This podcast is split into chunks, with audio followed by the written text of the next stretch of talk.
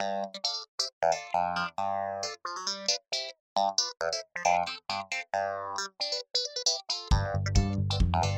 you.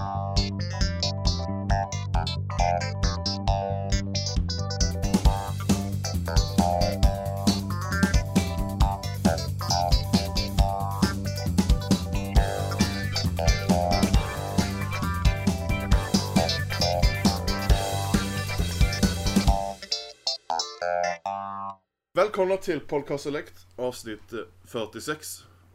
Och så börjar det direkt ringa i bakgrunden här, hör jag någon. Ja, det är pep. Ehm, ja, eh, med mig idag eh, har jag Roger som vanligt. Hej, hej, hej. Eh, och eh, Tommy. Ja, tjena tjena. Mitt första avsnitt för Podcast Select. Välkommen. Ja, Oskul-. Oskulden. Ja, precis. Mm. Exakt. Ja, det, det är perfekt. Det är andra gången du spelar in en podcast men första gången du får vara med. Ja, exakt. Den förra blev eh, kasserad. Det var, bra inte, gick det. det var inte ditt fel. kan vi bara säga. Nej, det- du är inte skyldig där nej. Nej, det är bra. Nej, det var så att eh, Tommy och eh, Blomstrand var ju på eh, Horizon Zero Dawn eh, presseventet. Eh, för, eh, vad är det nu? Två veckor sedan? Ish. Ja, det är väl något sånt. Tror jag. Och ehm, de spelade in ett eh, avsnitt med sina tankar och det, eh, tankar från eh, den spelstationen de hade där då.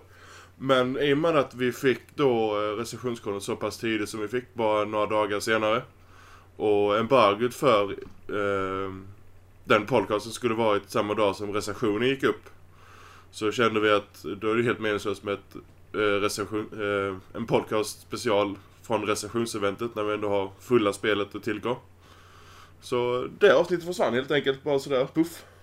Ja, Så vi, vi snackar om hela spelet istället. Jag antar att det, Exakt. det blir mycket roligare. Eh, jag är klar med det. Uh, med Platinum hela baletten. Jag vet inte hur långt uh, ni andra har kommit med det. jag har väl kört 40% ungefär. Eh, så jag har inte tagit mig igenom den. Mm. Jag Det var är med på... slutet Roger, sa du? Ja, jag har, eh, jag har nog inte så många timmar kvar tror jag inte. Så att, eh, mm, jag är, står ju på... Alltså hela den står väl kanske på 65 eller något. Men det räknas ju mycket annat på den mätaren. Nej, den räknar, den räknar ju med alla da- datapoints och fan hans muster. Jag tror jag, när, jag, när jag var klar med... Och då hade jag gjort alla missions, alla side missions. eh, allting extra så att säga. Och då var jag på 79%.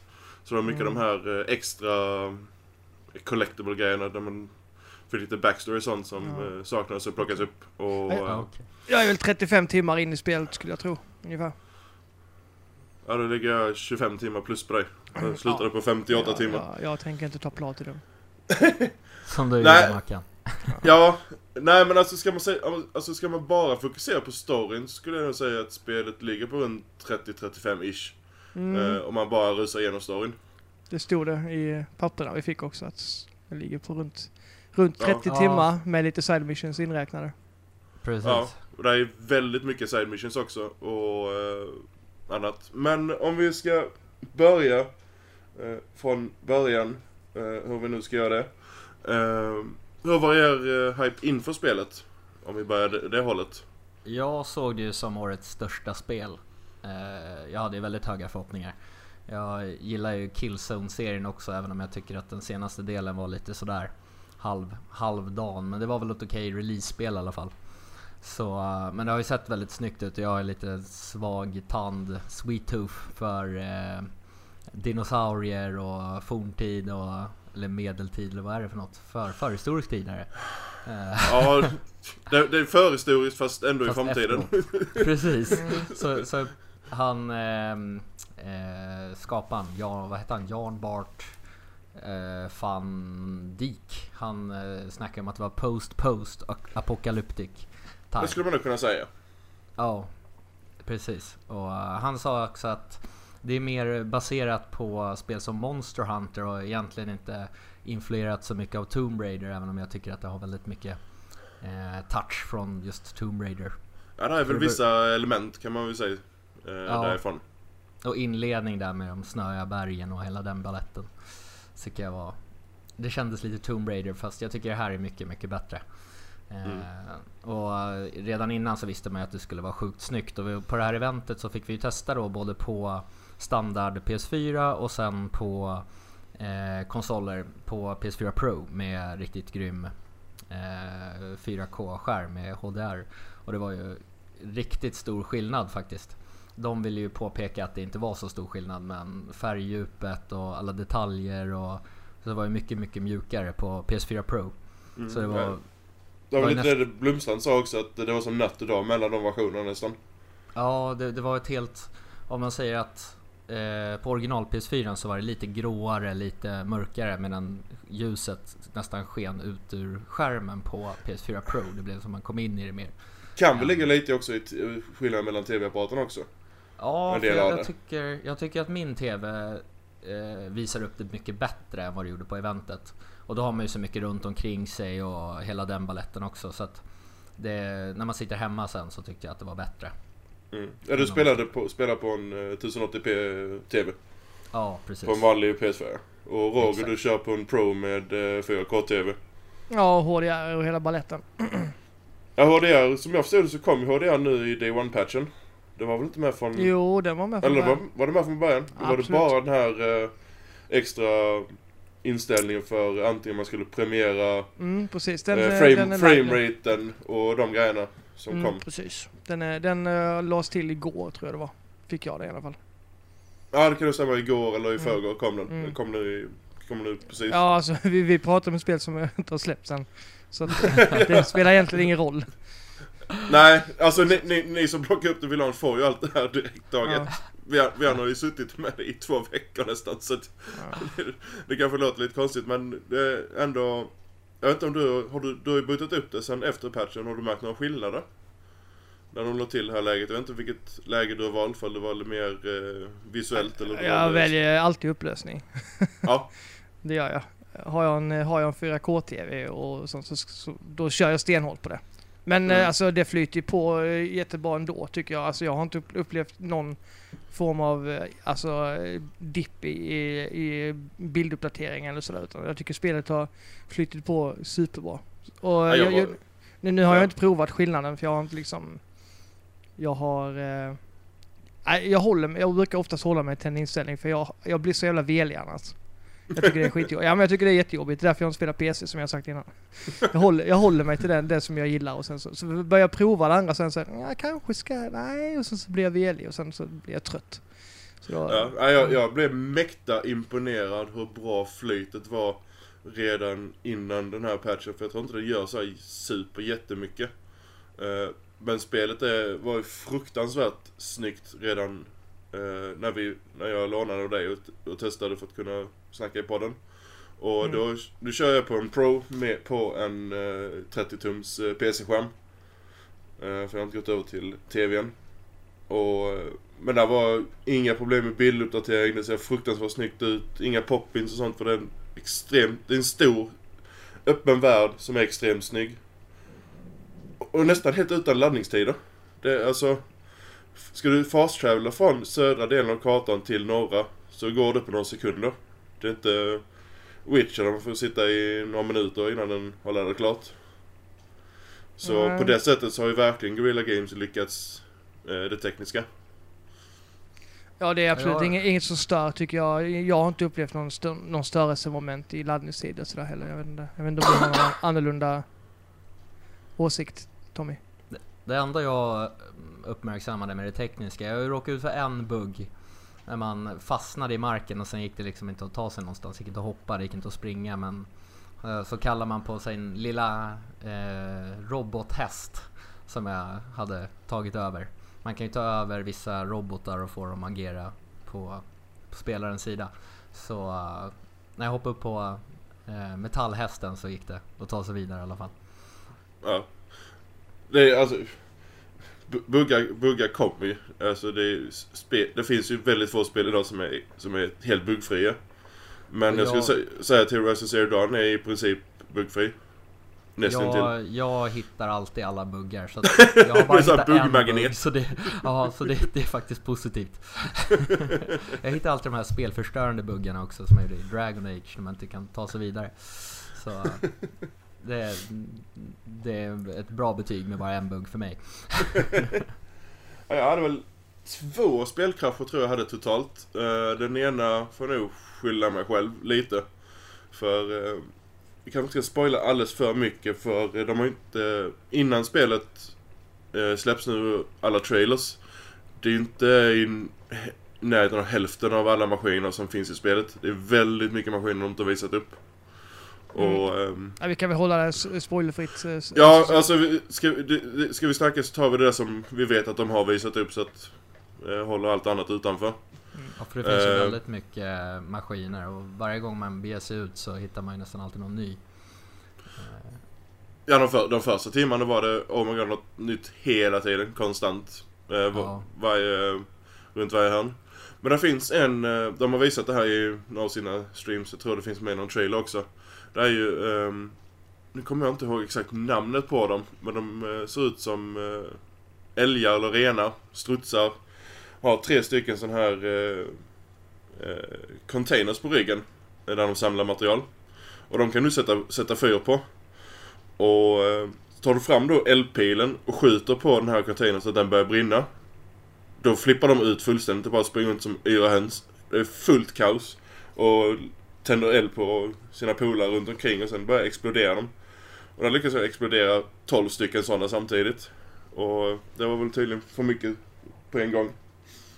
Du, du Coolt vet vilka jag menar Roger? De är, Ja, de, det, blir, det blir fullt kaos när man tänder fyr på dem. De vet inte vad de ska göra.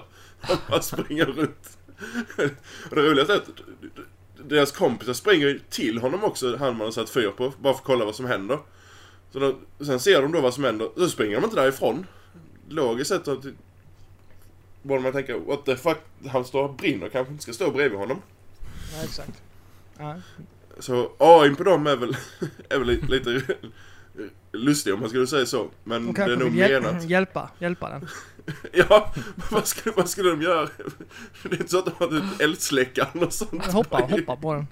Kollektivt dödsfall. Ja. Ja, precis. De tycker synd honom. honom.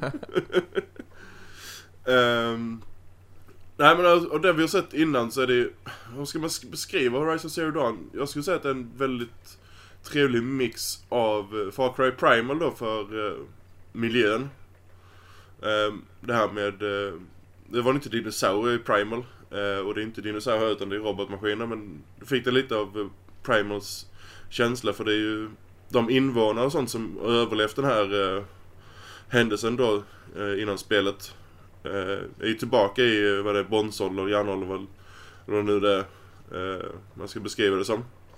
Så det är ju Jag skulle säga Far Cry överlag faktiskt. Far Cry-spelen. För det är mycket mer samlande och, och sånt. Big-. Big Gun då- Kartan där också. Mini, eller kartan man får titta på. Den Ja, är väldigt, precis. väldigt lik Så det, det är väldigt, och, mm, precis. Så väldigt mycket Far Cry över, Ja. över spelet på det sättet. Sen ska jag säga att stridssystemet är påminner väldigt mycket om Soulsborne. Alltså för att eh, många av de maskiner du stöter på eh, det krävs att eh, du, du tänker till och du lär dig hur, hur de fungerar i strid. Eh, deras eh, svagheter både mot element och, och dylikt. Eh, så det är inte bara att springa rätt in och skjuta några pilar och sen är det klart. Utan varje strid känns lite som en strid från eh, Bloodborne och Dark Souls. Jag vet inte Ja, om ni upplevde striderna där? Jag tycker att eh, i början så var det ju inte så himla svårt utan då är det de här mindre robotarna men sen när man väl börjar öppna upp mer områden och sådär eh, då blir det ju mycket svårare. Och särskilt om man får möta flera stycken på en gång. Man ska ju helst kanske försöka locka till sig en eller två beroende på hur svåra de är. Men... Eh, eh, Shit can hit the fan. Precis, exakt. så, så det är väldigt stor skillnad sen. Jag gillar ju den här, eh, ja, att man ska träffa dem på vissa ställen och man ska hitta deras svagheter och det känns lite som klassiska bossstrider som i de här äldre spelen som, Mm. eh, som jag gillar väldigt mycket. Och sen är jag ju väldigt svag för Monster Hunter där man ska samla på sig material och man ska få material från de här robotarna, samla på sig all, ja, ute i naturen för att kunna bygga vapen och utrustning och och sådana saker. Mm. Man kan ju köpa vapen och, och grejer men de bästa grejerna hittar man ju genom att eh, samla på sig material och bygga själv. Mm. Nu, vi, visst, vi kan inte bygga alltså, vapen per se eller armor. Men vi behöver ju det materialet. Eh, för så som valutan fungerar i spelet att det finns ju metal shards. Eh, som är basic valutan. Och den används både för att betala för om du vill köpa någonting. Men den används oft, också i crafting-systemet när du ska göra pilar. Så att det blir en balansgång. Har jag verkligen råd att köpa det här, eh, den här pilbågen eller den här, de här kläderna? Eller måste jag spara dem för att kunna göra pilar? Eller köpa ammunition hos i affären och liknande. Och jag, jag Alltså- gillar den balansgången. Sen har man ju begränsat antal platser för resurserna också. Eh, Sen kan man ju bygga på så att man kan ha plats för fler prylar men man Ja, har är- hela tiden en begränsning. Man kan inte Klassi- samla på allt. Klassiska Far Cry eh, eh, ryggsäckarna som man uppgraderar hela tiden med att döda vanliga djur. Exakt. Och, och jaga de vanliga djuren är ju lika roligt inom, eh, inom citationstecken här som det var i Far Cry. Bara hitta de här jävla djuren och sen hoppas att de droppar det man behöver. Jag vet inte, det var någon stund, jag tror jag sprungit i två timmar för att jaga rätt på eh, både gäss och eh, rävar för att få eh, skinn så jag kan uppgradera mina väskor. Jag vet inte vad, vad du säger Roger om eh, överlag stridssystem. Um, jo, jag skulle säga någonting om stridssystemet. Jo, jag tycker just att det känns... Det känns liksom ganska äkta på något sätt. Alltså det känns som att eh, vapnen man använder och tekniken till dem känns liksom ändå ganska... Det känns logiskt på ett sätt som eh, många spel inte. Just det Mm. här att du har de här pilarna som sliter loss metaller och du, du använder den kanske först och sen skjuter iväg ett rep för att fäst, alltså fästa och spänna fast den. Och just det här, ja det känns väldigt flytande stridssystem, eh, stridssystemet vilket jag gillar. Att man, man har full koll på sina grejer och vad de används till tycker jag. Det är väldigt, eh, väldigt logiskt. Så att jag, jag älskar striderna verkligen. Det enda jag saknar är just det här att man, jag hade behövt någon form av kamera på någon. Alltså som fastlåskamera. Jag vet att det är svårt när man styr, styr pilarna. Men som du och jag pratade om att man skulle kunna ha en som man märker ut fienden så kameran följer den fienden och sen kan man sikta fritt inom, Mm. inom det området. För att jag, jag tycker det blir lite rörigt ibland när man kastar sig och man vet inte riktigt vad man har, har fienden som man jagar. Jag tycker det blir lite Man blir lite illamående nästan. Ja, det blir lite rörigt. Eller Det är, det är i princip det enda jag, som jag skrev i, i recensionen också. Att det är typ det enda lite, lilla klagomål jag har. Eller klagomål inte. Men det hade, det hade underlättat om man hade haft en, en kamera. Mm. Eh, Ja, det, det blev väldigt mycket alltså, springa runt, eh, hoppa och ducka och rulla, rulla runt för att undvika just de här attackerna. För att eh, varje maskin är ju unik i sig. Eh, och det är ju vissa, Uh, jag vet inte om de har visat upp det så jag ska inte nämna namnet här. Uh, som har då attack på att de hoppar mot den. Alltså typ som en katt eller liknande. Och då måste du tajma dina, dina undanrullningar. Uh, eh, bara för att inte bli träffad och sånt. Och det, det kan bli väldigt mycket sånt i strid, speciellt om du har två eller tre sådana mot dig samtidigt. Och då kan det bli lite problem att hålla, hålla koll på vilken av de tre du attackerade först och vad du skjutit av på den och liknande. Så kunna låsa eh, låsa maskin, eller kameran mot den maskinen eh, utan att låsa fast eh, var du skjuter så att säga. Så att den bara, den bara följer eh, själva maskinen hade underlättat i vissa strider. Men det, det, är, det är svårt också för, för i och med att alla maskiner har ju delar man skjuter av. Vapen och rustningar och sådana grejer så... Jag förstår att det är, det är svårt att skapa ett eh, låsningssystem för kameran. Mm. Jo, det, det blir lite komplicerat så eh, blir det. Men det är just det här att man kastar sig och så springer man, alltså och man har ingen aning om om den jagar en eller om den liksom vissa eh, så. Det blir... Ja, det är, det är en liten, liten röd plupp. Eh, ja, det det. och hålla koll på exakt var den pluppen, alltså i förhållande till dig, ifall den är bakom dig eller till vänster om dig eller var den är, är inte det lättaste. Det blir väldigt stressigt i just eh, stridssituationerna. Men det är som sagt, Eh. det är inget, inget stort, inget problem skulle jag säga. Nej, nej, det- För nej, nej. liksom Det, alltså striderna ska ju vara hektiska. Det är ju mycket, alltså man känner sig verkligen jättestressad och så här, fan jag kommer dö nu. Alltså då. Ja, du, du känner dig väldigt sårbar. Alltså Ja. du, du, är, du, du är inte eh, den här eh, predatorn utan du är bytet. Du är inte rovdjuret. Men det är Ja. också, också det när, när man lyckas verkligen, man smyger sig på en bäst och lyckas liksom eh, ta ner den på exakt det sättet man vill. Det är en jävla tillfredsställelse om man lyckas med det. Ja, smy, smyga fram och ta ner dem med ett enda slag. Helt ljudlöst utan att eh, få eh, hans kompisar och eh, upptäcka dig. Ja, precis. Men- Eller de här striderna när man, för att allt man gör, om man hoppar och skjuter så går man i slow motion. Eller om man glider så går det i slow motion. Det är jävligt snyggt att göra sådana kills också. Eh, Mm. Och de här, på tal om såna här, eller på tal om, men vi pratar om sidouppdrag och sånt där. De är oftast ganska lika, man ska iväg och slåss lite. Men sen gameplayet är ju så himla kul så att det är ju roligt väger när man upp. Möta, precis, man får ju hela tiden möta nya fiender och, och sådär. Så att det är ju hela tiden kul att döda de här robotarna. Mm. Eh, Mm. Så det blir aldrig tråkigt. Det är det som var, var min, om man går in på vad jag, eh, mina alltså så vad jag tänkte innan och efter och sådär. Eh, Det min största oro det var det är just att det var ett open world-spel och man vet eh, att Det ställer krav på eh, innehållet. Många. Ja, och just det här att världen ska vara rolig att utforska och det ska vara roligt att ge sig in i striderna. Mm. Och det är väldigt svårt att lyckas med det i ett sånt här spel. Så, jag tycker de lyckas skitbra. Jag, jag älskar att springa runt i världen. Jag, jag har fastskövlat två gånger på eh, mina 35 timmar än så länge. Jag älskar Mm. att springa runt i världen. Jag tycker det är jättemysigt. Det var någon gång som jag kände lite sådär att det blev lite överväldigande när man skulle ta sig någonstans. Nu har inte jag kört hela spelet då. Men... Eh, Men du har låst upp eh, hela kartan. Så att du har varit i alla områdena. vet jag inte. Jag tror inte att hela kartan är upplåst. Okej. Eh, men det, det är ett ställe man ska ta sig från ett ställe och ta sig ganska långt. Och då, eh, men jag är ju sådär, jag fastnar ju och ska ändå döda alla dinosaurier och fiender och, fast jag egentligen bara hade kunnat ta mig till punkt B. Så jag får väl skylla mig själv lite grann. Eh, Ja, men det, är lite så överlag i open world-spel. Ska man gå från A till B sen hittar man, ser man någonting i, på kartan som är där borta. Jag måste bort och kolla vad det är för någonting. Och sen en, grej, en, en sträcka som skulle tagit 10 minuter helt plötsligt uppe i två timmar. Ja, jag, jag är sån där, jag, om man ser några sidouppdrag då hoppar jag på dem och tänker att ja, men jag tar dem sen. Men eh, det blir inte så.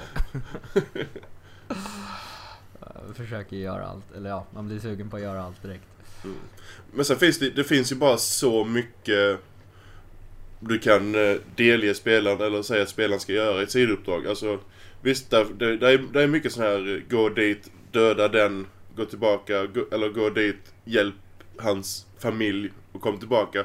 Alltså, det kommer ju till en gräns till hur mycket man kan göra med sidouppdrag i uppdrag, uppdragsstrukturen. Eh, och no någonting som både Horizon eh, gjorde riktigt, riktigt bra. Eh, så är det just eh, ge själva gameplayet att eh, det blir så stor variation. Eh, just med an- antalet eh, maskiner och res- resan dit. Eh, Mm. Så det är, jag skulle säga att det är gameplayet som väger upp viss, eh, att vissa sidouppdrag känns eh, som man har gjort innan så att säga.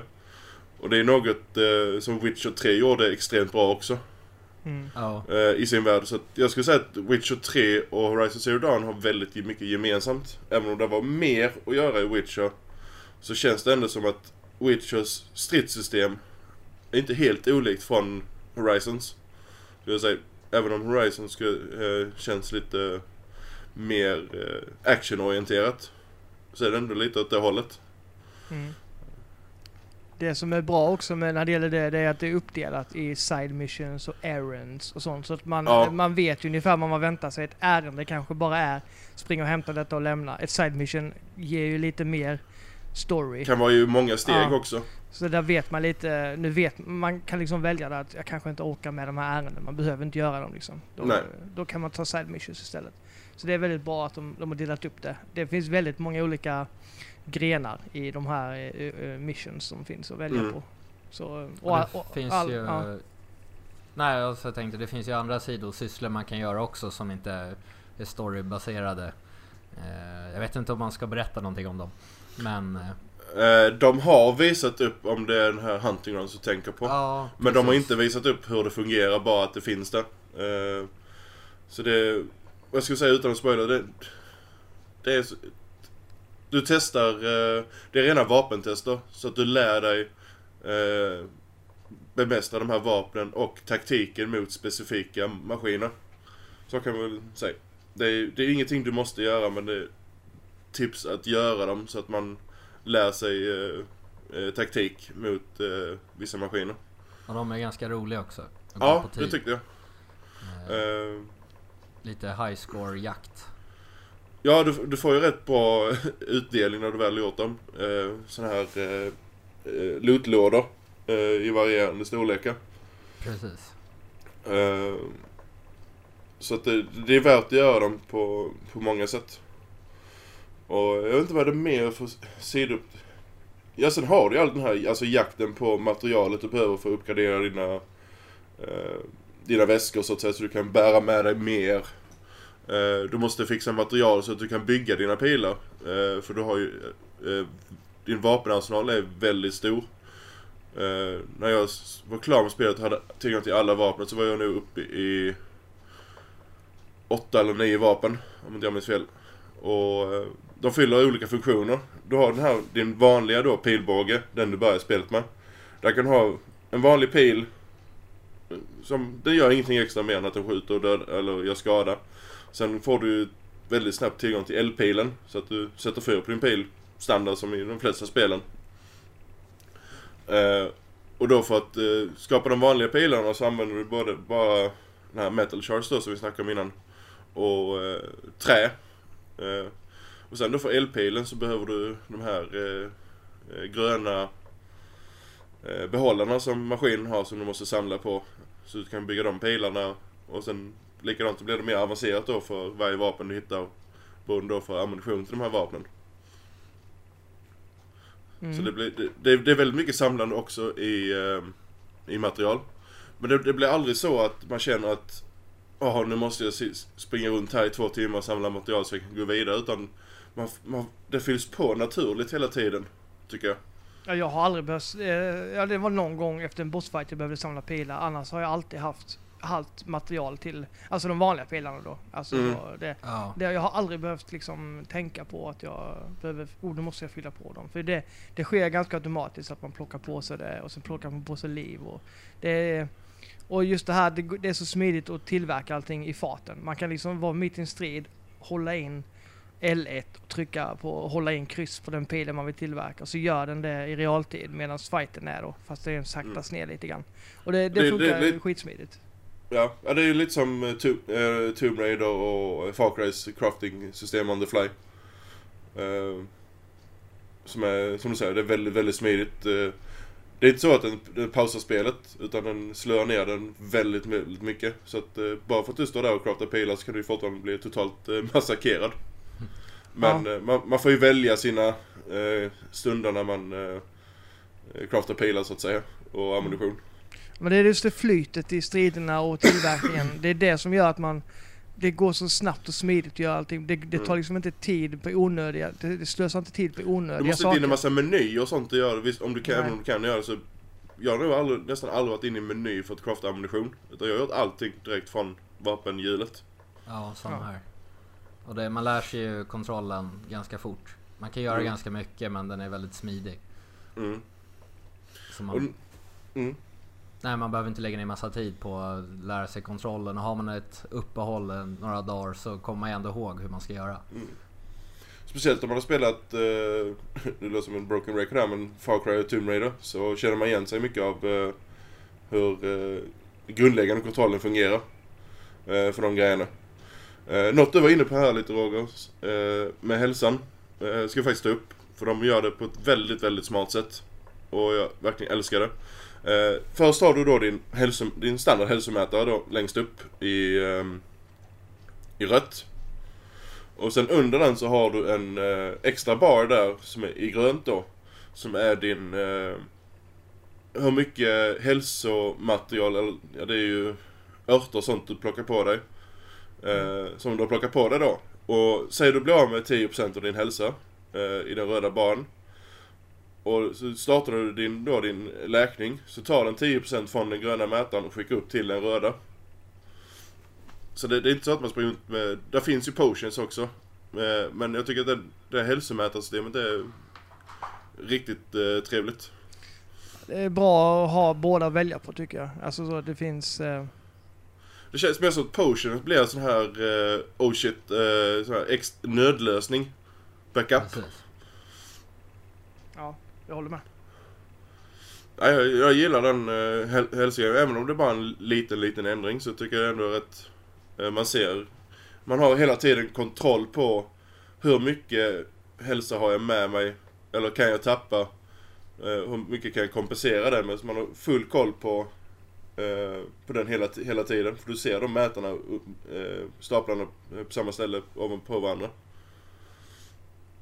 Och ska man då köpa eh, mer, eh, eller utöka sitt, eh, sina väskor då så att vi kan ha mer än en sån här grön mätare.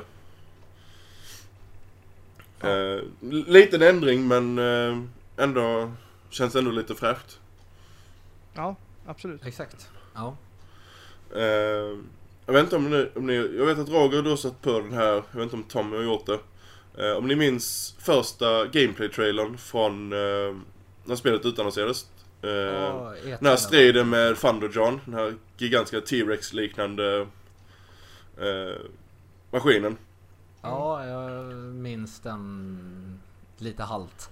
jag kommer ihåg den men inte hela, Nej, hela biten. har du, har du stött på han i spelet sen, den maskinen? Nej, jag har inte gjort det än. Eh, du vill inte stöta på den när du är level 10 kan jag säga. Okej, jag Den- tror jag är den- level 15 eller något sånt. Mm, den striden tog nästan 50 minuter. Jaha, aj då. Jag får vänta lite. Ja, eh, det, det är inte så att spelet är indelat i... Den är ju indelat i zoner, men du kan springa runt eh, och helt plötsligt stöta på eh, vissa maskiner som är... Som du inte ska ta, ge dig an. Inte bara då för att de har, kan ha lite högre level, utan just mekaniken med det för att du, du har inte de här vapnen du behöver för att göra striden mycket enklare. Som till exempel det här eh, vapnet de visade upp där, att du kan låsa fast maskinerna i marken. Alltså sätta i rep i dem och sådana grejer. eh, och annat. Så Ja. balansen eh, gillar jag faktiskt för att det blir, vad ska man säga?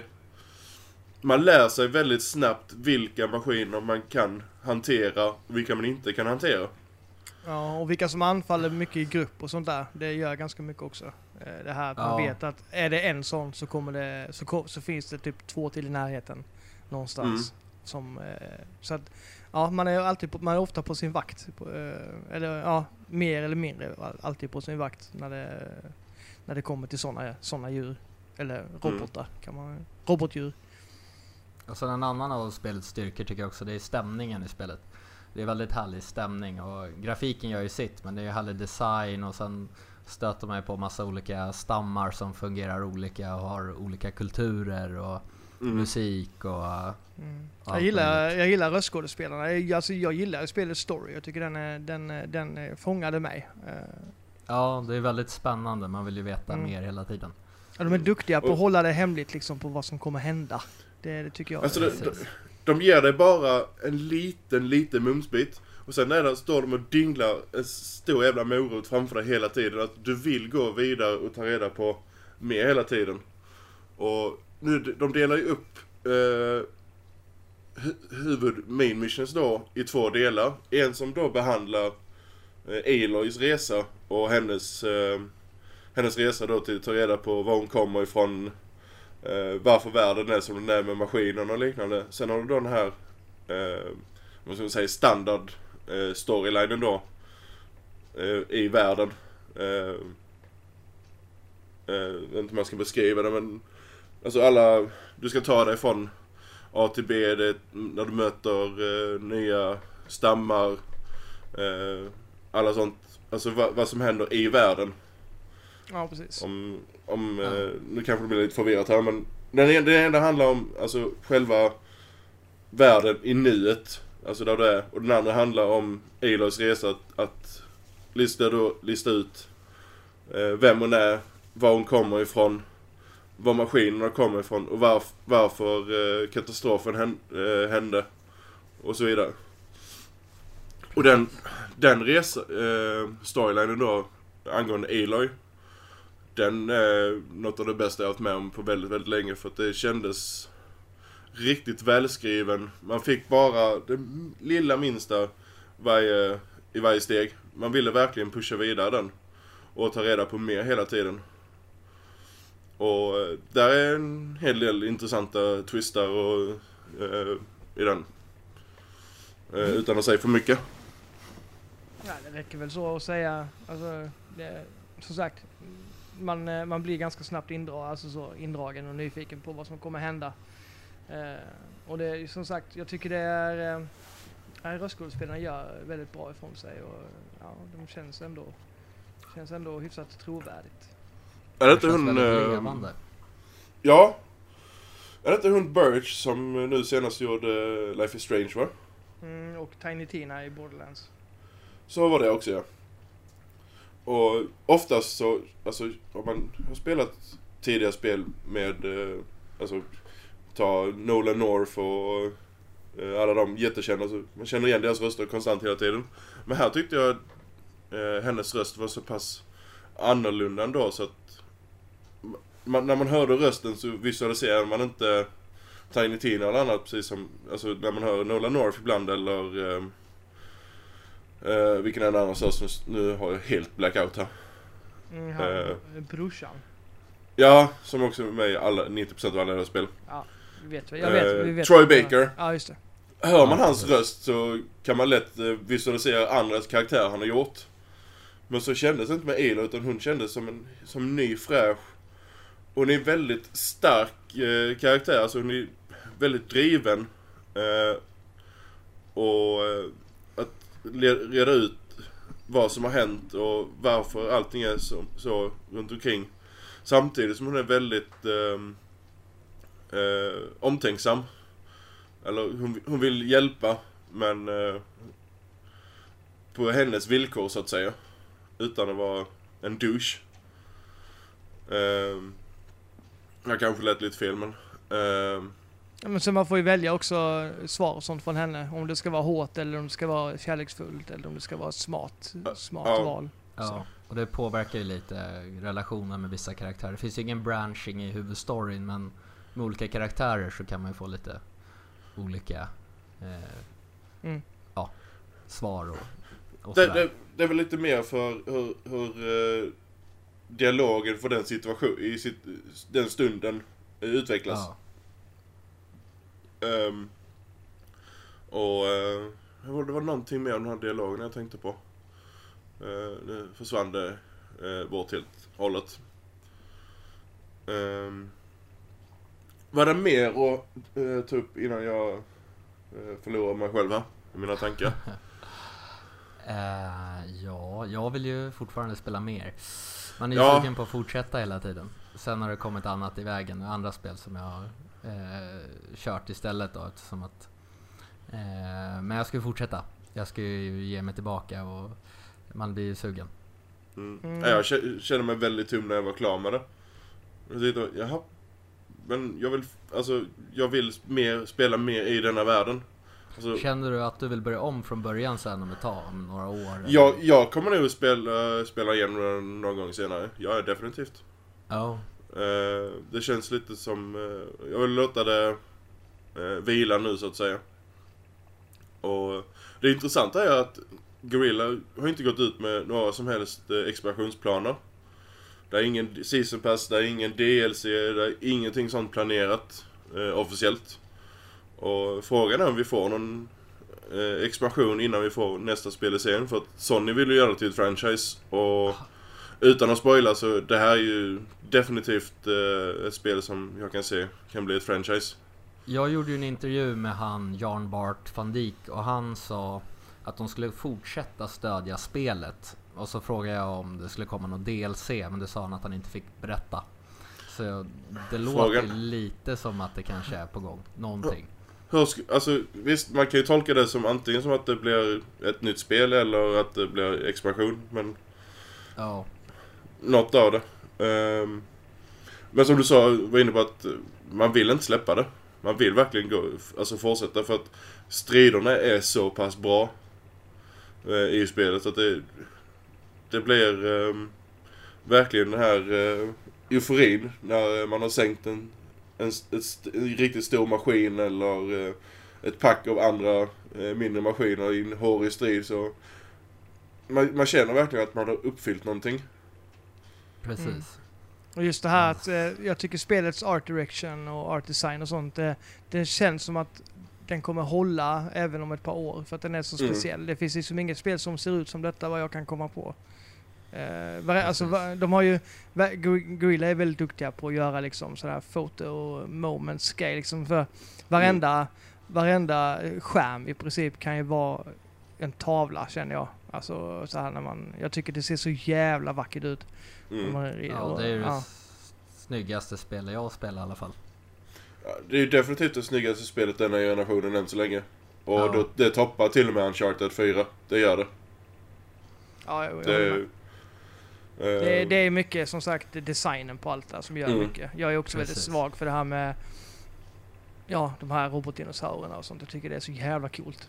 mm, ja, det, det är Ja. väldigt levande, väldigt intressant värld. Och det är så Eh, snyggt. Alltså varenda slang och var- allting är så jävla perfekt. Det, alltså det, men det sitter det- så det- perfekt. detalj, deras känsla för detaljer. Precis som de, då, när, eh, de här... Eh, vad är det? Hel, Helgast, Helgard i Killzone. Eh, de, Mm. Ja, Helgas. Helgas, der, deras eh, armor och sånt är ju riktigt det, snyggt detaljerat med... Eh, man ser speciellt, man ser det extra mycket nu i, i Killzone Shadowfall av självklart då med när grafiken har bumpats upp.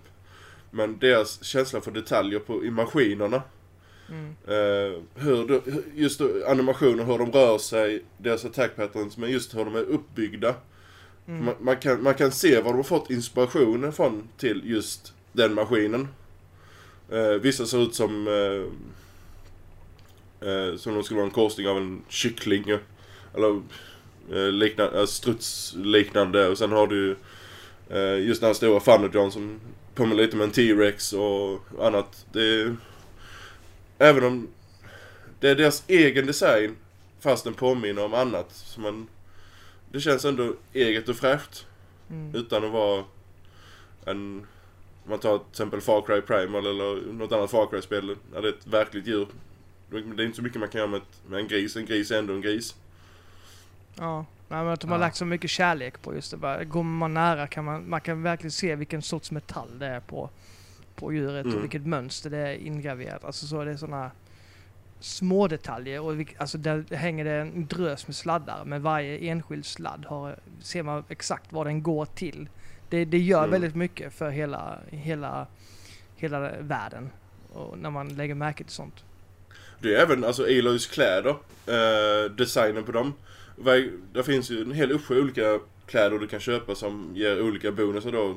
Kan, eh, vissa är bättre för att tåla pilar, andra tål eh, elektricitet eller liknande bättre. Och var, varje arm är, är ju helt egendesignad. Skiljer då från alla andra. Och de är riktigt snygga, snyggt designade de kläderna. Eh, sen finns det då olika st- eh, steg då. Du har ju eh, grön, blå och lila. Eh, klassiskt RPG-manöver. Eh, vanligt, eh, ovanligt, jätteovanligt. Och har du då en arm av eh, som har samma namn. Då, om vi tar då Nora som är hennes eh, eh, tribe så att säga. Så finns den i eh, sån här eh, som fokuserar på stealth till exempel. Och den finns i alla tre stegen. Och grunddesignen är samma. Men man ser hur varje eh, steg, om den går från grön till blå eller blå till lila, att den hur, vad de lägger till i den så att man snabbt kan urskilja eh, vilken version det är av, av just dräkten. Mm. Och sen då både vapnen och eh, dina kläder kan du då modifiera då med modifikationer som du sätter i. Eh, för att göra dem starkare eller eh, eh, tåla mer av viska grejer och sånt. Och bara det så håller på att pilla med det och gör om och fokusera om dina rustningar. Det, det är klassiskt art, eh, rollspelsmekanik men det fyller verkligen funktion här.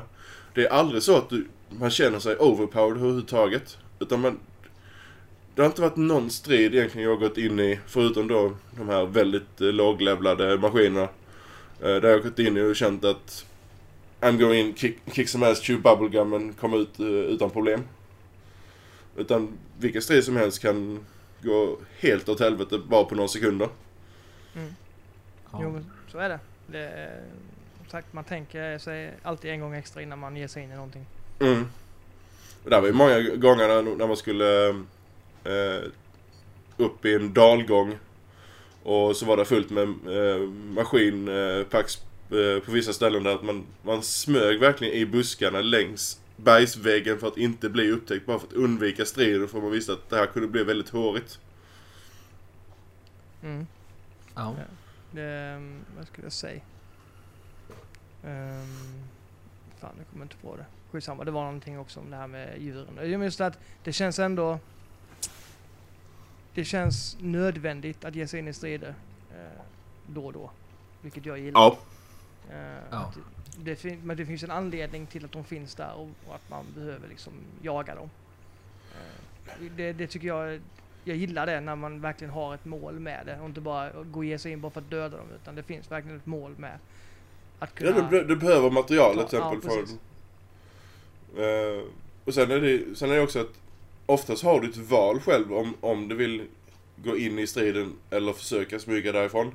Det är inte så att du tvingar till eh, slåss mot så fort du ser en maskin. Eh, och liknande att de här maskinerna de, de fyller sin funktion i världen. De har, de har sitt syfte. Varje maskin är unik. Den har sin plats i eh, eh, maskinvärlden så att säga. Eh, vissa maskiner är ute efter för att de, de ska samla material. Eh, så stör man inte dem. Så springer de, går de runt och gör det de ska göra så att säga. De, de skiter ju fullständigt att Alo är Alo. Eh, de ser det ju bara som någon som stör deras eh, syssla så att säga. Eller hindrar att de utför sitt jobb. Kan man väl säga. Mm. Precis. Eh, Sen, sen eh, tycker jag världskartan, den är inte sådär extremt stor. Alltså den är ju stor, men det är inte sådär att det blir massa utfyllnad överallt. Som i många andra open world-spel, om vi tar The Crew som ett ex- skräckexempel som bara var långa tråkiga vägar. Eh, så det är alltid spännande att utforska och det blir inte sådär övermäktigt som det kan bli i vissa andra open world-spel. Nej, det, det, det är det här stora problemet många på spel har. Det är att de har utvecklingen går ut och säger vi har en gigantisk jättevärld. Ja, men finns det något innehåll i världen? Precis. Eh, och det är ju... Och där är ju verkligen Horizon lyckats med. Eh, visst, det är inte att du har eh, side mission var tionde meter som du har i, i Witcher till exempel. Om man jämför till, eh, och är väldigt överdrivande.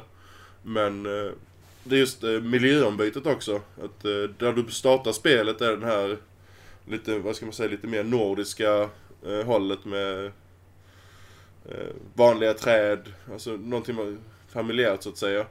Och sen har du ju eh, stora snötäckta berg, då, ökenområden. Eh, och sen har du ett område till som de inte har visat som jag inte kommer nämna. Eh, och sådana grejer. Och någonting som vi faktiskt inte har eh, tagit upp eh, som... Eh, de har inte visat det, men de har nämnt det. Men där finns ju eh, eh, grottor och sånt också att utforska. Eh, och mer än så kommer jag inte gå in på. Eh, mer än att det är väldigt intressanta ställen. Mm, de gillar jag. Där finns Ja. ett syfte till dem. Och man vill utforska dem. Ja, ja de har gjort det Ja. väldigt bra med de eh, grottorna faktiskt. Det blir som en ja, extra dimension till eh, utforskandet. Precis, och grottorna är inte tråkiga. Jag brukar oftast tycka att grottor i spel ser för jävligt tråkiga ut. Men de är ju intressanta och snygga och inbjudande. Tycker jag. Mm. Ja, det är, inte bara, det är inte bara sten överallt om man säger så. Nej, precis. Nej men alltså, allt, det känns som att allting i världen, de- eller som de placerat i världen, fyller en funktion. Det är inte bara att de, det är placerat där för att det ska vara det. Utan eh, det finns en anledning till det. Man känner sig aldrig eh, som att eh, man kommer på någonting. Ja, men va, varför är det där? Det var helt meningslöst att du är där. Precis. Men eh, vad ska vi säga överlag? Roger, du slängde upp din recension och du gav den en 10. Eh, Ja. Eh, Med eh, den här lilla bylinen där i slutet kan, kan man dela ut Game of Year redan nu. och, och Horizon har ju satt ribban väldigt högt för detta året. Ja, alltså för, för mig var det väldigt stort. Alltså jag som sagt, jag är... Jag brukar tröttna ganska snabbt på open world-spel av någon anledning. The Witcher klarade jag. Det, det höll mig liksom så här på spänn. Men det hade ju ändå en story som ja, höll men kvar. Men eh, överlag så brukar jag ha väldigt svårt att behålla intresset för dem. Och mm. det här eh, hookar mig fortfarande. Alltså jättemycket. Eh, så att ja, för mig är det värt en tia helt klart. För att jag tycker det, var, det är ett helt fantastiskt open world-spel. Eh, och eh, ja. Eh, ja, det, det sätter ju ribban väldigt högt för Mass Effect. Som ja. kommer nu uh, om uh, några veckor. Ja, Precis. det, jag vet inte om man ska vara orolig eller om man ska vara vad man ska vara. jag tycker att det är det bästa spelet på flera år. Eh, I alla fall av det jag har spelat hittills. Jag tycker att det slår Uncharted 4. Eh, definitivt. Mm. Hittills. Jag har jag, inte kört hela men, men... Nej, jag håller, jag håller med dig även om det är två väldigt skilda spel så... Och den ja, det det. Över, övergripande känslan så tycker jag faktiskt Horizon hookade mig mer än Uncharted 4. Uncharted 4 var, var riktigt bra i, alltså för sig själv. Eh, I Uncharted-serien och så, så, som spel. Men det, det är någonting med eh, eh, Horizon som eh, gör det ännu intressantare. Jag tycker om det här med ett actionspel som inte är så fokuserat på multiplayer och, utan går på single player-kampanjen. Mm. Det, det gillar jag. Nej, nej, jag, jag håller med dig. Jag, lite, jag tröttnar lite på första personsskjutare och sitta och spela online i flera timmar om dagen. Ja, eh. även om det kan vara kul ibland så är det, ja. jag, jag har också börjat tröttna på just den, speciellt det här påklistrade multiplayer, att du utvecklar till multiplayer bara för att försöka få ut mer, några timmar till hos konsumenten. All, alla spel behöver inte ha multiplayer. Precis Exakt. som alla spel behöver inte ha single player. Uh, det, jag hade gärna sett att både Call of Duty, ett Call of Duty eller ett Battlefield utan kampanj. Bara ja. låt dem fokusera på det de gör bäst. Uh, eller släppte som två separata grejer. Men uh, nej men det, det lägger rib, rib, ribban väldigt högt i år. Uh, både för Mass Effect och Red Dead sen då senare i år. Ja. vi ska nog inte vara oroliga för Red Dead i alla fall. Rockstar är ändå Rockstar. Men detta spelåret kommer ju vara rätt brutalt bra. Ja, jag tror fortfarande att Shenmue 3 blir bästa i år. Om det släpps i år. Okej. ja men, men tänk dig hur spellåten, vi var inne i slutet på februari nu och vi har, vi har haft Resident Evil 7 som verkligen tog spelserien tillbaka till rötterna. Och eh, riktigt levererade ett riktigt, riktigt bra skräckspel. Eh, även om du inte är fan av Resident Evil-serien så kan du spela det utan problem och vara rädd för att du missat någonting. Eh, vi har Horizon Zero Dawn nu. Eh, sen nästa vecka har vi Zelda. Mm. For Honor uh, får vi inte glömma heller. Det har blivit jätteuppskattat. Ja. ja och. Mm. Ja just det. Nio. Nio där, jag tyckte det var grymt. Jag tycker Vilket? att det är bättre än både... Nio. Nio. Ni, ja, Nio, ja. Ja, precis. Jag, jag, tycker att det är bättre än både Bloodborne och Dark Souls. Sen, jag, sen är det lite annorlunda mot de spelen också då, men... Jag är, är lite... En, ja. Ja, det är som en blandning mellan Ninja Gaiden och Dark Souls. Lite Onimusha eh, ja, mix också. För det, det är väl inte... De flesta vet om att jag, jag är ingen större fan av varken Dark Souls eller Bloodborne. Uh, men Neo, jag, jag gillar det. Uh, riktigt skarpt. Det, men det är lite mer för att det är snabbare strider. Uh, just med hur, det, hur de hanterar stammarna system och sånt. Så, ja det är också ett underbart bra spel vi redan har fått i år. Och sen då Zelda som sagt nästa, nästa vecka. Tillsammans då när Switch lanseras. Eh, vad är mer? Yakuza Zero släpptes ju här tidigare också, det var jag väldigt fäst vid. Eh, det är ju Yakuza-seriens prolog som utspelas under 80-talet. Mm. Så det är lite nostalgikick också. är det väldigt mycket 80-tal influens i soundtrack och sånt eller det är väldigt japanskt soundtrack? Uh, soundtracket är väl mer japanskt. Uh, det la jag faktiskt inte så mycket på minnet. Men uh, det är första mobiltelefonerna som man släpar runt en väska och sådana där grejer också. det, det, det, var tiden innan iPhone. Ja, precis. Man har en personsökare. Till och med jag minns personsökarna. Jag känner mig gammal helt plötsligt här. Ehm, Ja, jag fyller 31 idag. Ja, grattis, grattis. Ja, tackar, tackar. Gammal gubbe snart. Ja, precis. Nej, men vad, vad har vi mer på uh, uh, horisonten? No pun intended. Um, Splatoon kommer inte förrän i sommar, det nya. Uh, vi hade Mass Effect som sagt. Uh, Crash Bandicoot. Crash Bandicoot fick vi datum på den? Det fick vi va? Ja, det fick vi. Och det är en remaster Mm, Ja, på de tre första. Uh, det är. Absolut. Så det var Men de har ju... Sen, Ja. ja, nej jag tänkte, sen är ju Switch-releasen intressant också. Eh, sen att det inte kanske kommer sådär jättemycket spel i början, men det är ju Zelda där, men det finns ju till Wii U också. Eh, eller kommer till Wii U. Mm. Eh, jag tänkte på, vi har ju Le- Lego Worlds. Uh, kommer ju nu, jag vet inte om det var i slutet på mars eller början på april. Det är i princip Minecraft, Lego Minecraft. En ren Minecraft-klon. Som kan bli väldigt intressant just på grund av att det är, alltså om man gillar Lego så att säga, eh, Lego-karaktärer och eh, den typen. Sen därefter kommer ett spel som jag verkligen hypar på som jag aldrig spelade på för att det var eh, ett Wii-exklusivt spel. Lego City Undercover. Som i princip är Lego GTA. Ja, det är ju riktigt bra. Ja men de kan fixa till laddningstiderna. Um, för det, det, var väl det, det var väl det som egentligen var det enda problemet på Wii-versionen var att det var extremt långa laddningstider. Men som jag förstod det så var spelet eh, verkligt roligt alltså när man spelade. Ja, ja, det var ju riktigt bra. Eller Wii U kom det väl till? Eller ja, Wii U var det, inte Wii. Ja, sorry, sorry, sorry. Det Ja, stämmer. nej. Och nu, Eh, nu har du online co-op och sånt också. Eh, Ja, okej. så, jag ska faktiskt spela det med en polare. Jag är lite sucker för Lego-spel, alltså likadant Lego-filmerna. Lego är ändå Lego. De har, de har ändå den här eh, humorn och charmen. Ja. Och sen kommer ju Nier också. Nier Ja, Nier- Automata. Ja, det kommer väl också nu... Det är släppt nu när vi spelar in det. Det släpptes inte nu den 23. Eh, har Vill jag minnas. Okej. I, nu kan jag ha fel. Det kan vara Japan det släpptes den 23. Jag tror inte att det har släppts än. Jag har inte fått recensionsexet i alla fall. Eh, så jag tror inte att det har kommit än. Jag är osäker. Eller jag, eller jag som blandar ihop datum här. Det är så, så många spelare som kommer nu. Eh, Ja. Men demot där var ju riktigt bra. Jag gillar föregångaren. Det var ju väldigt annorlunda rollspel.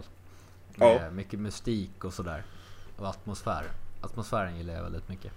ja. Så. Men det, stridssystemet verkar ju betydligt bättre nu i tvåan tycker jag. Vad, vad är det mer som har kommit i år? För det har kommit så mycket spel redan i år. Som Eh, har stå, stått of- ut. Tales Ja, of precis. Vesperia. Precis. Bästa sen Vesperia tycker jag. Jag är beredd att hålla med dig. Definitivt. Det, Ja. Efter den här katastrofen till så Cesteria. Som var... Nej, jag vill- inte gå in på det bara. Jag blev bara deprimerad. Uh, det, detta var riktigt, riktigt bra. Eh, jag tror inte det är något spel i den serien som kan leva upp till uh, Vesperia. Nej, Det, det, det är väl några Tales of Destiny men de har jag inte spelat. Eh, Tales of Eternia och, och dem. Det kommer till Playstation och sen Tales of Eternia kom väl till PSP eller något sånt där. Det var ju någon... Ja, jag, jag kan inte riktigt den där. Var, de hette väl Tales of Destiny 2 i Europa och sen hette det något annat Mm. i Japan och, och sådär. Men jag har inte kört dem så jag vet inte. Jag har bara hört vad folk har sagt. Vad är det mer? Kingdom Hearts fick vi också de sista, eh, sista spelen. Eh, Kingdom Hearts 2.8 eh, Prologue någonting. Deras namngivning det är som de har suttit en fredagkväll eh, sent på jobbet och eh, druckit alldeles mycket alkohol när man döpt de spelen. Ja, det är Eh. som deras eh, bärbara spel. De brukar ju heta lite konstiga namn. Jag har Ja, inte någon aning om varför de heter så. Men jag gillar prologen i alla fall. Sen eh, att, vad heter det, Distance... Ja, Dream Drop. Distance. Ja, just det. Det är väl lite halvdant. Eh, det, det var ju bra när det släpptes till 3DSen men på en stor skärm så ser det lite detaljfattigt ut. Okej, okej. Så, men eh, det är bra. Men det är inte lika bra som originaldelarna. Nej. Men prologen gör mig väldigt sugen på trean i alla fall. Det var ju väldigt bra stridssystem och man kan lå- det finns en ny teknik där man kan låsa in på fiender men det finns inte, man kan inte invertera styrningen. Så jag som brukar trycka ner när det ska gå uppåt hade väldigt problem. Du som är väldigt, väldigt eh, konstig människa. Precis, jag bor i Södertälje så. Men jag Ja, det, det, det, förklarar ju saken. Eh, Nej, men eh, vad säger du Roger? Eh, och det som har kommit i år, vad har stått ut mest förutom då Horizon, tycker du? Eh, ja men det är ju Resident Evil. Jag eh, trodde inte jag skulle våga spela igenom det men mm, det, det gick. Och ja, jag tyckte det var skitbra. Jag, första halvan var bättre än andra halvan på det. Men eh, överlag så var det ett jävligt bra Resident Evil-spel tycker jag. Och nu får vi snart eh, den här eh, gratis eh. Eh, Not a Hero, som behandlar Chris Redfield. Ja just det. Eh, Capcom har gått ut och bekräftat nu att det är, verkligen är Chris Redfield. Och jag tycker det är bara väldigt lustigt med tanke på hur designen på honom ser ut i eh, Resident Evil 7. Och ja, det ska bli väldigt intressant att köra den D- DLCn för att eh, se hur de ska knyta ihop det här. Och se vad, vad han, eh, hans eh, eh, syfte är där. Eh, min, min tanke är att han, han är där för att eh, jaga huvudkaraktären som nu spelar i Resident Evil 7.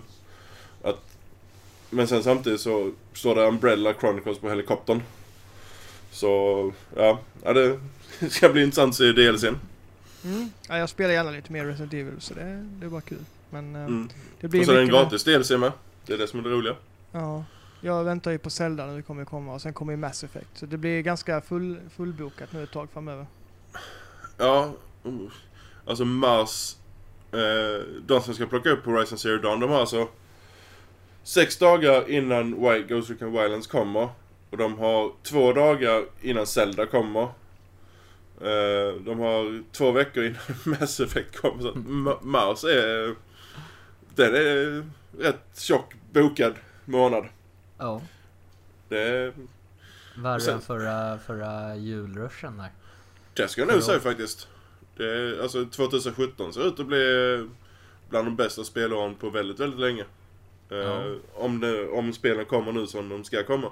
Uh, Och som om utannonserade. de lev, lever upp till förväntningarna också. Självklart, självklart. Uh, det vi har kvar i år som alla spelar inte är datum på. Vi har ju Sea of Thieves. Uh, den här pirat uh, sandbox MMO-grejen till Xbox One. Ja, Eh, det ser det- väldigt mysigt Det kan bli riktigt, riktigt bra och det kan fallera totalt. Men eh, det är ändå Rare som utvecklar det så... Vi får se hur det blir. Eh, jag har förhoppningar på det. Men vi, som sagt, vi har inte sett egentligen... Eller fått reda på eller förklarat vad spelet egentligen går ut på. Om det bara är en online sandbox-grej. Uh, Red Dead har vi också. Eh, jag tror inte det blir försenat. Eh, vi vet i princip att det kommer ett nytt Assassin's Creed i år. Battlefront 2 kommer i år, som även ska ha en single player-kampanj. Call of Duty lär komma i år, Forza lär komma i år. Alla sportspelen lär komma i år. Så det som blir mest intressant då, det är att se E3. När vi, Ja. ska visa upp alla spel som ska komma i höst. Förutom Jag då de standardspelen. Hoppas att Nintendo har något intressant att visa där också. De Ja. brukar väl inte vara så sugna på E3 i och för sig. De brukar Ja men de har ju, de har ju sin uh, Treehouse. Ja, ja, Eh, precis. Och Direct. Och alltså det enda vi vet från, eh, från Nintendo i år, det är ju Zelda. Det är ju Mario Kart eh, Game of Year Edition typ. Eh, Splatoon 2. Eh, Mario. Av de stora spelen. Ja, de kan ju lätt trycka in något spel till där. Eh, av de större grejerna. precis. Så, eh, ja detta, detta spelet och, och kan bli eh, bland det bästa på väldigt länge. Ja. Mm. Men... Eh, eh, jag vet inte vad ni säger. Är det någonting mer av eh, Horizon som ni tycker eh, vi har glömt? Nej, inte av det jag spelat hittills i alla fall. Jag Innan vi får jag med avsluta en Roger har väl somnat här, låter det som. Ja, jag ska spela mer Horizon nu. Så att jag sitter och väntar på det. det är det du sitter och väntar på. att Han avslutar någon gång. Ja, jag sitter och yes. på titelskärmen där. Vi, ska säga, vi, ska, vi kan ju säga att klockan är snart ett på natten när Ja. vi spelar in detta. Så att eh, om man låter lite trött så är det därför. Precis. Är lite transparenta där med det. ja, det, det, det är inte vår vanliga tid att spela in podcast om vi säger så. Nej, Nej, det, det är mitt fel. Min nyckel funkar inte till min dörr så jag fick sitta och vänta på att någon skulle hämta en reservnyckel i trapphuset. Jaså? Eh, Men ja. det löste sig ändå. hade du, Ja. du hade väl haft mellofest och födelsedagsgrejs och sånt Ja, först? nej vi firade min födelsedag hos morsan och farsan för jag har bara en liten etta, 36 kvadrat. Jag ska Ja, flytta till större nu så näst, nästa gång blir det hos mig. Men eh, för att avsluta det här så tänkte jag... Eh, jag hade två grejer som jag hade tänkt vi skulle köra som här standardgrej då i slutet av varje podcast eh, under en väldigt lång tid. Det har aldrig blivit av, men eh, nu hade jag tankar på det och nu kör vi igång här. Eh, principen är väldigt enkel. Eh, varje podcastavsnitt eh, ställer vi en fråga och sen eh, är det upp till panelen och eh, eh, ge sitt svar och den som kommer närmst rätt svar som vi utannonserar då veckan efter eh, får en, en poäng. Och när året är slut så samlar jag ihop alla poängen och du, du vinner äran och en digital mandelkubb. Ooh, då Yay. måste jag vara med i varje avsnitt nu alltså. Ja, de, den som byts ut, eh, sku, skulle Blomstrand vara med i nästa och, och inte du så får du tag-teama med Blomstrand Ja, i poängsuppsättningen. så den som byts ut eh, får gå ihop med den andra så att säga. ja, Eh, låter det enkelt? yes. Ja. Inga konstigheter. Eh, Zelda släpps eh, nästa vecka, Breath of the Wild. Och eh, då kommer frågan, vad kommer metascoren landa på eh, den dagen vi har inspelning av nästa podd, när det hunnit stabilisera sig. Och då den, den som kommer närmst svaret får en pinne så att säga. Jag säger 93. Mm.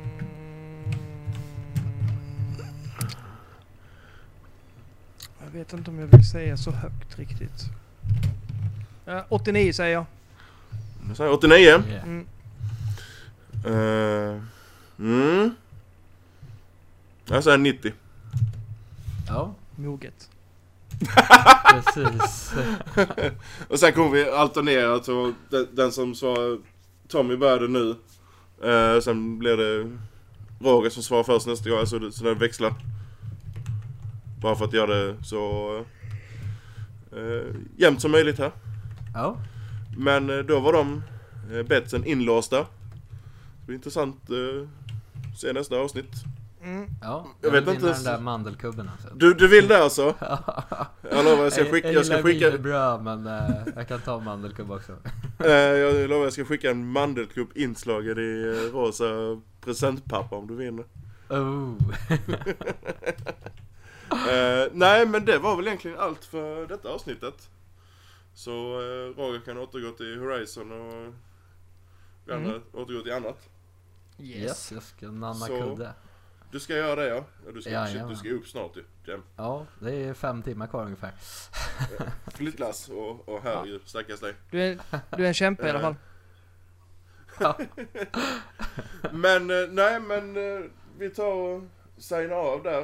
Eh, vi som varit med och sen får ni ha det så trevligt till, eh, till nästa eh, podd. Och det där vi förmodligen snackar lite om Zelda när Roger hunnit spela lite och massa andra grejer. Vi får se vad det blir. Yes. Eh, Så fram till nästa avsnitt. Ni får ha det så bra. Tja! Hej hej! Tja.